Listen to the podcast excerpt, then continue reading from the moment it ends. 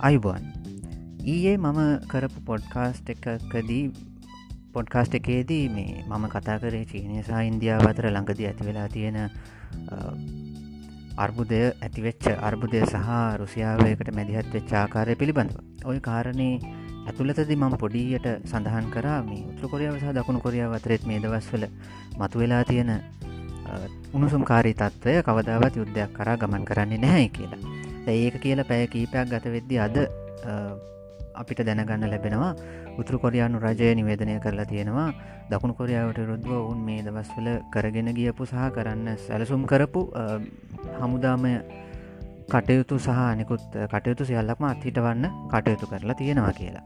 දැනට ආරංචි ලැබෙනවා ඔය දේශසීමාවිනන් දකුණු කොරියාවට ඇහෙන විදිහට ප්‍රචාරණ කටයුතු කරන්න හදපු ශබ්ද විකාශන යන්ත්‍රත් ඉවත් කරපු බවක්. ඉවත් කරන බවත්. ඉතින් මේ මේ කාරණයත් එක්ක කෙනෙක්ට හිතෙන්න පුළුවනි උතුරු කොරියාව මේ ලොකු කතන්දර කියලා ලොකු තර්ජනයන් කරලා අන්තිමට ඒව කරගන්න බැරුව පසු බහිනවා කියලා. ඇතරම ඒක නෙමෙයි මෙතන වෙන්නේ ඒවගේ මනි පැත්තට උතුරකොරියාව දන්න ඔවුන්ට යුද්ධකට යන්නත් බැහැයි කියලා. ඒ කාරණෙත් මෙතෙන්දි අපි අමතක් කරන්න හොඳ නැහැ. මේක පැති කීපයක් තියෙනවා ඉතිං මං හිතුවා ඒ කාරණ කිහිපය ගැනම සඳහන් කරන්න ඕනි කියලා. මුලින්ම මේ දැන් උතුර කොරියාව යුද්ධ ශක්තිය ගැන කතාකරොත් සහ යුද්ධයකට උතුර කොරියාව යනවද නැද්ද කියන එක ගැන කතාකරොත් උතුර කොරියාව ලෝකයේ තියෙන සංඛ්‍යාත්මක අතින් ගත්තම ලෝකයේ ලොකුම හමුදාවල් හතර පහෙන් එකක් සංඛ්‍යාත්මකව ගත්තා. එතකොට ඒ වගේම ඔවුන්ට තියෙනවා සැලකයුතු ප්‍රමාණයක් යුද්ධ ටැන්කි එතකොට ප්‍රහාරක ගුවන් යානාත් ඇස්තමේන්තු ගත කරලා තියෙනවා. සැලකයුතු ප්‍රමාණයක් තියෙනවය කියලා. ඔයගෙන විවිධ ඇස්තමේන්තු තියෙනවා. කොහොම වෙතත් මුල හරි ඒ හැම අතින්ම කාලතුවක්කු වගේ දේවල් අතින් ඔවුන්ට සැලකයුතු ශක්තියක් තියෙනවා. හැබැයි මේක මෙතෙදි අමතක් කරන්න හොඳ නැති කාරණයක් තමයි මේ ගොල්ලංගාව තියෙන මේ ගොඩක් බඩු පරණයි. එතකොට උතුරකොරයා වැත්ත වශයෙන්ම දන්නවා වඩා ප්‍රබල රටක් එක්ක හැප්පෙන්න ඔවුන් ගව තියෙන ඔය සාම්ප්‍රදායික ආයුධ ප්‍රමාණවත් නැහැ කියලා. දැවෝකට හොඳ උදාහරණයක් අපිට බලන්න පුළුවන් වනා දෙදස් තුනේ අවුරුද්ධ ඇමරිකාක් ජනපදය විසින් ඉරාකය ආක්‍රමණය කරපු වෙලාවේ. මොකද ඒ වෙලා ඉරාකයට තිබුණ හුඟක් වෙලාවට සෝවියට් දේශය තියෙන කාලය. කෙනෙක් දසමසි අසු සුව දශකයේ සමහට ඊටත් කලින් සෝවියට් දේශයෙන් ගෙන්වා ගත්තු යුද්ධ ටැන්කි තමයි තිබුණ T72 වගේ යුද්ධ ටැන්කි ඉතින් අලුත් ඇමරිකන් යුද්ධ ටැන්කිත් එක්කේවට හැප්පෙන්න්න බෑ. අනු එක අවුරුද්ධ ඇමරිකාව විසින් ඇමරිකාව ප්‍රමුඛ සන්ධානයක් විසින් ඉරාකය ආක්‍රමණය කරපු වෙලාවේ ඒකට හොඳ උදාහරණයක් ලැබුණ ඔය බොහම ප්‍රසිද්ධ යුද්ධ ටැන්කි සටනක් සිද්ධ වනා ලෝකේ ලොකුම යුද්ධ යුද්ධ ටැන්කි සටන් වලින් එකක්. ඒ සටනෙදී ඉරාක යුද්ධ ටැන්කි හමුදාව සම්මූල ඝාතනය වුණ. ඇමරිකානු යුද්ධ ටැන්කිවලට හානියක් වුණේ නැති තරම්. ඉති ඒ වගේ කාරණාවක් තමයි උතුරු කොරියාවත් සාමාන්‍ය සම්ප්‍රදායක යුද්ධ ආයුධවල තියෙන්නේ. ඔවුන්ට බරායුධ තියෙනවා වුණාට යුද්ධ ටැන්කි තියෙනවා වුණාට ෆයිට ජෙට් තියෙනවා වුණාට ඒවයේ ඒවා අප්ඩේටඩ් නෑ ඒවා පරණයි. විශෂම ඇමරිකාව වගේ රටක් එක්ක හැප්පෙන්න ප්‍රමාණවත් විදිහ ශක්තියක් ඔවුන්ට නෑ. ඒ නිසාම තමයි ඒගොල්ලෝ සම්ප්‍රදායක නොවන අවිය කියන්නේ න්‍යෂ්ටිකාවි සහ බැලිස්ටික් මිසයිල දියුණු කරන්න කටයුතු කරේ. දැන් අපි දන්නවා ඔවුන් ගාව ගැනෙ අපිට පේන තියෙන ඔවුන් න්‍යෂ්ටික අත්හදා බැලීම් කිහිපයක් කර. එතකොට ඊටමතර බැලිස්ටික් මිසයිල අත්හද බැලීමනුත් කර. ඔවුන් ඔවුන් කියන විදිහට ඔවුන්ට එකැන ඔවුන් පෙන්න්නන විදිහට ඔවුන්ට සැලකයුතු බලයක් තියෙනවා සැලකිතු තර්ශනයක් කරන්න පුළුවන්. ඔයිට අමතරව ඒ ගොල්ලංගාව තියෙනවා බොහොම ප්‍රබල ආයුධයක්. ඒක තමයි මේ. ඒ ගොළංගාව තියෙනවා කෙටිතුර සහ මැදිදුර මිසයිල. මේවායෙන් ඇතරම දකුණු කොරියාවට විශාල හානියක් කරන්න පුළුවන්. ඒ ගැන මං හිතන්නේ විවාදයක් නෑ. ඉතිං බැරි වෙලා හරි බැරි වෙලා හරි යුද්ධයක් පටන්ගත්තොත් එක කුයි පැත්තෙන්ද පටන්ගන්න කියන එකත් මෙතෙන්දි වැදගත් කාරණයක් සාධකයක්. දැන් අපි දන්න උතුර කොරියාවට කලාපේ චීනය විශේෂෙන්ම විශේෂෙන්ම ලොකුවර්බුද්ධයකදී චීනය උතුර කොරියාවත් එක්ක ඉන්නවා.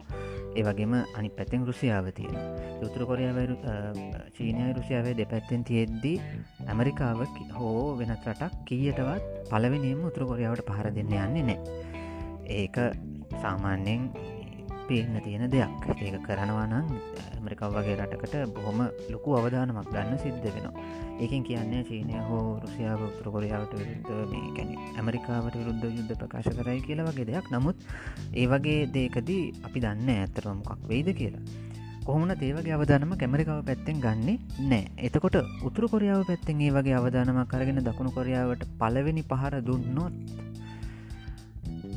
චීනයට සහ රුසියාවට උතුරු කොරියාව පැත්ත ගන්නත් වෙන්නේ නෑ එහෙමුණම් උතුරු කොරියාව තනි වෙනවා. දැන් ඔය එක්දශමසය පණහා පනස්තුන කාලේ කොරියන් යුද්ධය වෙලා වුණත් සෝවෙද්දේශය යුද්ධයට කෙලින්ම සම්බන්ධ වනේ නෑ එතින්දි චීනය තමයි ඇත්තර මේකට සම්බන්ධ වනේ ඉතින් ඒ ඒ අවස්ථාව චීනය තිබ්බේ වෙනමම තත්ත්වයක් අද තියෙන තත්ත්වයන මේ චීනය කාලේ අන්තර්ජාතික ලෝකත් එක් ලොකු සම්බන්ධ ඇති බුන්නෑ මොකද අලුතෙන් බිහි වෙච්ච කොමිනිස්ට ආණ්ඩුවත් එක්ක ලෝක රටවල් ගොඩක් වෙනකොට ගණුදනු කරේ නැහැ.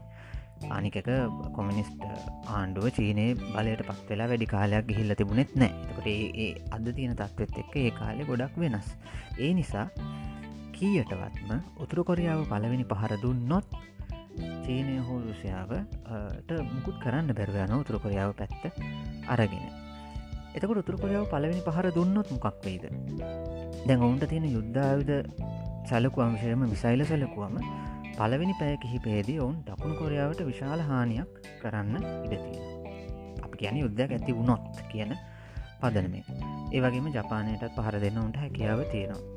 හැබැ එච්චරයි. මොකද පැය කීපහකින් පස්සේ ඔන්ගාව තියෙන යම් කිසි කෙටිදුර සහ මැදිදුර මිසයිල ටික ඉවර වේගෙනකොට ඔවුන්ට එතරින් හට කරන්න දෙයක් නැතු යනවා. ඊට පස්සේ ඔවන් මොකක්ද කරන්න?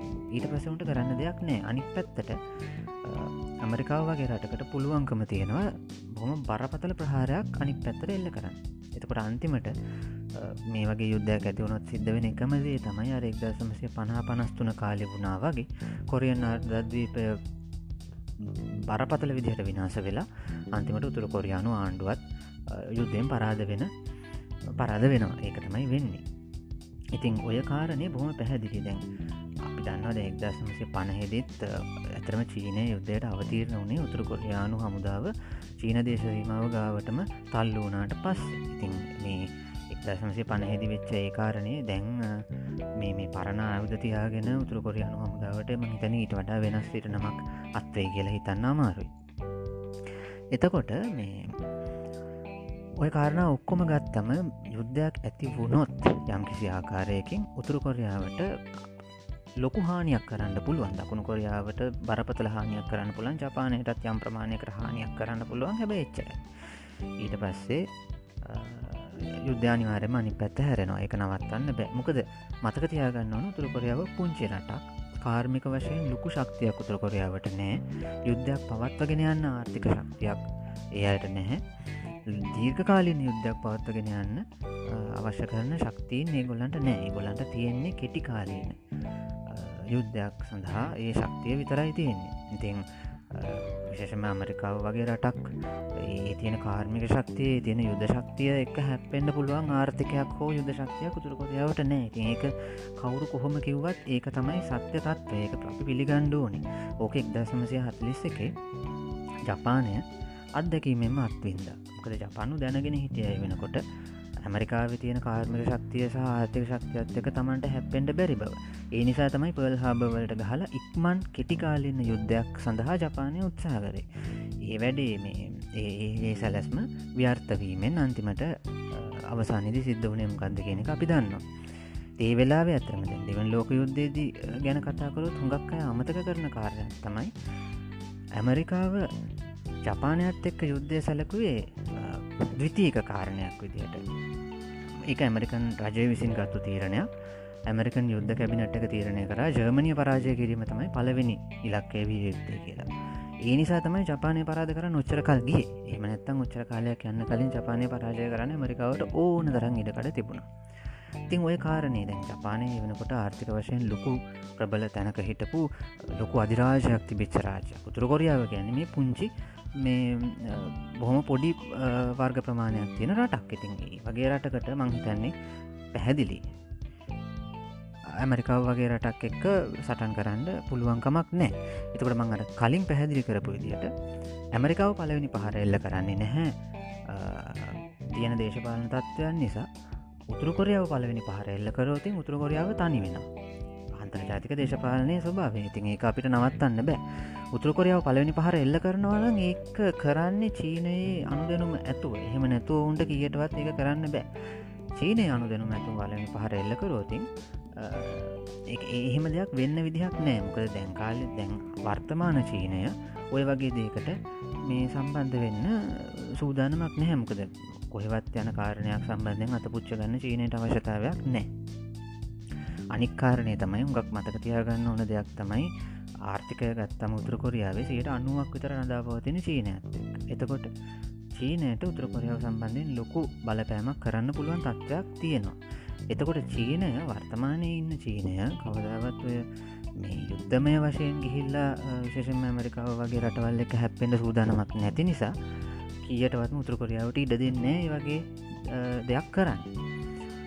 එතකොට මේ ඔක්කොම කාරණත් එක්ක ඇයි උතුරකොරියාව කයිවාරු ගහන්න මේ වගේ? ඇයි මේ විවිධාකාර තර්ජනාත්මක දේවල් කරන්නේ? මේ කාරණය ඇත්තටම මේ විවාධාත්මක කාරණයක්. නමුත් පේන්ඩ තියෙන කාරණයක් තියෙනවා. අපි හුඟක් වෙලාවට අමතක් කරන පැත්තක් තියෙනවා මේ ගැන. ඒ වගේම තමයි මේ අනික් අතට එගොළඟ උපක්‍රමයක් තියෙනවා. අපි අමතක් කරන පැත්ත මේකයි. අපි දන්න උතුර කොරියාව කියන්නේ හුඟක්ම සංවෘත රාජයක් උතුර කොරියාවේ ජනතාවට තොරතුරු ලැබෙන්නේ රාජ්‍ය මාධ්‍යවලින් එතකොට රාජ්‍ය මාධ්‍යවලින් කියන දේවල් තමයි උතුර කොරයානු ජනතාව වැඩිපුර දන්න. එකොලන්ට ඊට වඩා වෙනස් දෙයක් දැකලා තියෙන්නේ බොහම සුළු පිරිසක්. එතකොට ඒගොල්ලො කියන කොට එක නතකොට ඒ අය තමන්ගේ යුද්ධ ශක්තිය ගැන වර්ණනාවෙන් කතා කරන එතකොට ඔය ඕකත් එක්ක යනවා ඔය මේ ඒ අයගේ දේශපාලන සම්ප්‍රදාය. ගොඩක් අය හිතුවට මාක්ස්වාදී කොමිනිස්ට්වාදී රාජයක් කියලා උතුර කොරියාව තියෙන වෙනම දර්ශනයක්. ඒකට කියන්නේ ජුච්චය කියලා. ජනතාව සහ නායක අතර සම්බන්ධය ගැන ඕක කතා කරනවා. එතකොට ඒක ඇත්තරම මේ කොන්ෆියෂයානු ධර්මයනුත් ආභාෂය ලබාගත්තුව චින්තනයක් තියෙන්නේ. ජනතාවගේ සුභසිද්ධියසා ජනතාවගේ ආරක්ෂාව නායකයා විසින් බලාගන්නවා නායකයාට ගරු කරන්න ජනතාව වග බලාගන්නවා කියන වගේ ගණු දෙනුවක් කොතන තියෙන්නේ. එතකොට රජය විසින් කියන දේවල් ඒ රටේ ජනතාව විශ්වාස කරන. තොර රජය තමන්ගේ යුද්ධ ශක්තිය ප්‍රදර්ශනය කරනවා මිසයිල යවනවා යුද්ධ ටැන්කි කාලතුවක්කු එහෙම යවනවා. ඒවා ජනතාව දකින සමහර වෙලාවට සමහර තැන්වල අපි දැකල තියෙනව සමහරෝය විශේෂම යුද්ධ ටැන්කි වලින් කරන සමහර අභ්‍යාසවල එඩිත් කරපු පින්තුර පවා පාවිච්චි කරලා තියෙනවා ප්‍රචාරණ කටයුතු දෙසා. එහෙම අවස්ථාවක් එකක් දෙවකුත් මගේ මතකයට මගේ මතකේ පැත්තක තියෙනවා. ඒ වගේ ඒවගේ මේ මේ මේ තනිකර ප්‍රචාරණ ව්‍යාපාරයක්. මෙතන යන්නේ විශේෂයෙන්ම රට ඇතුළේ ජනතාව ඉලක්ක කරගෙන සහ රටෙන් එලියේ ජනතාව පැත්තටත් ඉලක්ක කරගෙන විශේෂෙන්ම රට ඇතුළේ ජනතාව ඉලක්ක කරගෙන. ඊට අමතරවානෙක් කාරණය තමයි අපි දැනගන්න ඕන කාරණය මේ උතුරු කොරියාව ඉස්සර ඉඳලම ඒගොල්ලන්ගේ උපක්‍රමයක් තමයි තර්ජනය කිරීම. කියන්නේ දැන් එක්තර අවස්ථාව අපි දන්න විශේෂම සෝපදේශය බිඳවටනට පස්සේ තමයි ඔය කාරණ සිද්ධ වුණේ. එක්තර අවස්ථාවක අය මේ න්‍යෂ්ටික වැඩ පිළිවෙල පටන් ගන්නවා කියලා තර්ශනය කරලා පස්සේ ඔවුන්කව න්‍යෂ්ටික වැඩ පිළිවෙල නවත්තන්න හැබයි අපිට ආධාර ලබා දෙන්නවා ඒ අනුව අපි දන්නවා ඔය බිල් කලින්ටන්ගේ පාලනය කාලේ යම් ප්‍රමාණයකට ආධාර ලබා දුන්න උතුරු කොරියාවට. ඒ අය නැෂ්ටික අවිහරණ කිවිසුමට පවා එළඹුණා. ඊට පස්සේ ඔය බුෂ්ගේ පාලන කාලේ බුෂ් ඔය එක්තර අවස්ථාවක කරපු කතාවකින් පස්සේ තමයි ඔවුන් ඥෂ්ටික විහරණ කිවිස්මෙන් අයින් වුණේ. අර මේ ඇක්සි සොෆීවිල් කියන ප්‍රසිද්ධ බුෂ්ගේ ප්‍රසිද්ධ දේශනය පස්සේ. කෝමහරි ඒ දැන් උතුර කොරියාව එදායිදම්ම කරගෙන යන දෙයක් තමයි තමන් මේ තර්ජනය කරන අර්ක කරනවා මේක කරනවා. හැබැයි අපි ඒක කරන්නේ නෑ අපිට ආධාර දෙනවා කියලා. එතකොට දැන් සාමාන්‍යෙන් සිද්ධ වෙන දෙයක් තමයි උත්‍රකොරියාව යම් කිසි ඔය යුද්ධ අභ්‍යාස පටන් ගත්තම මිසයිලයක් දෙකක් යව්වම ඔය ප්‍රදේශයේ ලොකු කලබ ගෑනි තත්ත්වයක් ඇතිවෙන අස්ථාවර තත්ත්වයක් ඇතිවෙන මොකක් වීද කියන බයක් ඇතිවෙනවා එතකොට කලාපේ ජපානය දකුණු කොරියාව චීනය වගේ රටවල් තියෙන බොහොම වැදගත් ආර්ථික කලාපයක්න. ඔය කලාපේ ආර්ථිකයට එක බලපාන අස්ථාවරත්වයක් අවිනිශ්චිත භාවයක් ඇතිවෙන එතකොට ඒකට කවුරුවත් කැමති නෑ. එතකොට හැමෝම උත්සාහ කරන්නේ ඒ තත්ත්වය පාලනය කරගෙන සාමාන්‍ය විදිහට අපි ඉංග්‍රීසිංකිවත් ස්මූද්ලි වැඩේ කරගෙන යන්න. ඉතින් දැමුතුර කොරියාවෙන් නිරන්තරයෙන් තරචනයනකොට අනිවාර්යෙන්ම අනික් පැත්තෙන් ඔවුන් සමඟ ගණුදනු කරන අය කතා කරනවා අපි මේක ගොඩින් බේර ගමු කියන දැන් ඕක උතුර කොරියාවත් දන්නවා. ඒ අය කරන්නේ තමන්ගේ ශක්තිය පෙන්නලා හැබැයි ඔවුන් ඒක ගොඩක් දුරට ගෙනියන්නේ තමන්ගේ ශක්තිය පෙන්න්නනවා පෙන්න ලයිවර වෙලා මොනවහරි දෙයක් ලබාගෙන ආපස්සට යනවා. ඒක තම එගොලන්ගේ උපා උපක්‍රමය. එගොලු කාගොල අවුදේ පෙන්න්නනවා අවදේ පෙන්නල වුන් අවදෙන් පහර දෙන්නේ අවදේ පෙන්නල මොකද පහර දුන්න තනි පැත්තට වදිනවා කියලා දන්න පහර දෙන්නේ හැබැයි ඔවුන් ආයුදේ පෙන්න්න ආයුදේ හැම වෙලාම ආයුදය පෙන්න්නකොට වටේ පිටේ අයට බයක් ඇතිවෙනවා කොයි වෙලාවක හරි කොයි වෙලාවක හරි පහර දුන්නොත් කියලා. එතකොට අනික් පැත්තට මේ ඔය ආධාර ලබාදීමට හෝ වෙනත් යම් යම් දේවල්වලට එකඟ වෙන ඕක සාමාන්‍ය උතුරු කොරියන් උපර වැට්ටියක්. ඕක දැන්ගන්න කිම් ජොන් උන් නෙමේ කිම් ජොන් උන්ගේ පියා කිම් ජොන් ඉල්ගේ කාලෙත් බොහොම සාර්ථකව පාවිච්ච කරව උපායක්. කිම් ජොන් ඉල් ඔය උතුරු කොරියාව ගෙන ග්‍රන්ථ කීපයක් ලියල තියෙන පෝල් ෆ්‍රෙන්ච් කියන පෝල් ෆ්‍රෙන්ච් කියන විද්වතා ලේකකයා එක අවස්ථාවක ඔය කිම් ජොන් ඉල් කරපු ප්‍රකාශයක් ගැන කියනවා. ඔහුගේ එක පොතක නෝත් කොරයා පැරනොයිට් පනින්සිල්ලා කියන පොතේ. ඒක කිම්ජොන්ඉල් කියනවා මම මේ න්‍යෂ්ටිකාවි වෙන්න පුළන් බැලිස්ටික් මිසයිල පුල මං මේවා කරේ නැත්තං ලෝක මිනිස්සු මාව ගණන් ගන්නේ මේවා තමයි මට පෙන්න්න පුළුවන් දේවල්. මේවකරොත් තමයි ලෝක මිනිස්සු මාව මංගැන ලෝක මිනිසුන්ට මංගැන මතක් වෙන්න. ලෝක මිනිසුන් උතුරු කොරියාව ගැන මතක් වෙන්නේ. ඒකටයි මම මේව කරන්නේ. එහෙම නැතුව මේ කිව්වත් වගේ මේ ඔවුන් දන්නවා ඔවුන්ට මේ යුද්ධ ශක්තියෙන් ඇමරිකාව හෝ වෙනත් රටක් පරාජය කරන්න පුළුවන්කමක් නැහැ කියලා. මේ කරන්නේ අවධානය දිනාගන්න අවධානය දිනාගෙන අවශ්‍ය කරන දේවල් ලබාගන්න මතකතියාගන්න ඕන අනික්කාරණය තමයි මේ උතුරකොරියාව නායකත්වය ගත්තම. රටේ ජනතාවට මොනමන අපහසුතා තිබත් නායකත්වය ගත්තම බොහම හොඳ සුකෝපභෝගී ජීවිතයක් ගෙවනවා. ඇති ඔය සුකෝපභෝගී ජීවිතය නැති කරගන්නේ ගොල්ලු කියටවත් කැමති නැහැ මේ කොහ. කවුරු හරික්ක යුද්ධකට පැටලිලා. ඒගොල්ලො කරන්නේ තර්ජනය කිරීමෙන් තවත් දේවල් ලබාගන්න කරන උත්සාහයක් මිසක මේ යුද්ධකට පැටිල්ලා තමන් මේ ජීවත් වෙන අර මේ සුකිත මුදිත මේ අර සුකෝපභෝගී ජීවිතය නැති කරගන්න නෙමේ ඒකට ඒගොල්ලු කියටවත් සූදානම් නෑ මොකද අපි හැමලා මතක තියාගන්න ඕනේ. නායකයෝ ගැන කතා කරනකොට ඒගොල්ලොත් මිනිස්සු. ඒගොල්ලන්ට අවශ්‍යතා තියෙනවා. උතුර කොරයනු නායකත්වයට කියටවත් අවශ්‍යනෑ බංකරොල්ල හැංගිලා එහෙම යුද්ධ කරන්න. එහෙම අවශ්‍යතාවක අයටන යට බොහොම සුකෝපභෝගිව ජීවත්වෙන අය. ඒක විශේෂම කිම් ජොන් ඉල් කලින්. කිම් ජොන් ඔවුන්ගේ පියා. ඉතාහම සුකෝපභෝගී ජීවිතයකට පුරුදු වෙලා හිටු මනස්සේ. කිම් ජොන් උන් උනත් පේන තියෙන දෙය අනුව ඒ වගේ කෙනෙක් කියල පේනවා. දේහෙම තත්ත්වයක් ඇතේ ගොලු කියටවත් මේ අනවශ්‍ය ප්‍රශ්නවලට පැටලෙන්න සූදානම් කට්ටිය නෙමේ තව කාරණ ඔක්කොම එක් සලකද තමයි අපිට කියන්න පුළමෙන් උතුරකොරයාව කියටවත් යුද්ධකට යන්නේ නෑ. කොරයානු අර්බුදය කවදාවත් යුද්ධකට යන්නේ නෑ. හැබැයි අවිනිශ්චතතාවය පවතින තාක්කල් එතන ගැටලුවක් තියෙනවා. ඒ ගැටලුව උතුර කොරියාව බෝම ලස්සනට පාවිච්චි කරනවා. ඉතින් මංහිතන්නේ මේ අපි ඔය විශේෂෙන්ම මේ අර්බුදය ගැන කතා කරනකොට අපි මහිතන්නේ ඔය ඔය පැතිකඩවල් හැම එකක්ම හරියට තේරුම් අරගෙන කතා කරන්න ඕනේ කියලා. මොක දුතුර කොරියාව තේරුම් ගන්නවා කියන එක ලෙහෙසි වැඩක් නෙමේ අර සාමාන්‍යෙන් ඔය අපි දකින මීඩියාවල දකින ස්ටීරියෝ ටයිප් එකක් දෙකක් අරගෙන කැන්නේ කිම් ජොන් උන්ට මොලේ හොඳ නෑ කියලා හරි. එහෙම නැත්තං තවමොකක් හරි මේ මේ කිම් ජොන් උන් කොමිනිස්ටවාදය කොහු අධිරාජ විරෝධය කොහු ධනවාදයට විරුද්ධයි. එහෙම කියලා හරි අරගෙන මේක දකින්න බැහැ මේක ඊට වඩා මංහිතන පුළුල්ල දකින්න ඕන කාරණයක්. ඉතිං මං හැමෝටම කියන්නේ එක පැත්තකින් එක ස්ටීරියෝටයිප්යකින් එකනෙ කලින් කලින් තමන් දරණ එක මතයකින් වැහෙන්නේ නැතුව හැම පැත්තක්ම ගැන බලලා මොකක්ද ඇත්තරම් වෙන්න කියන එක තේරුම් ගන්න උත්සා කරන්න කියන එක. එහෙම වුණුවතින් අර මම මේ අනාවක කිව්ව වගේ ඕක යුද්ධකට යන්නේ නෑ කියන අනාවක ඔගොල්ලන්ට බොම ලේසින් කියන්න පුළුවන් වෙයි. ඒනම් අදට එච්චරයි. අපි බලමු යුද්ධය කොරියාව මොනාද වෙන්නේ කියලා. හැමෝටම ජයවේවා Thank you.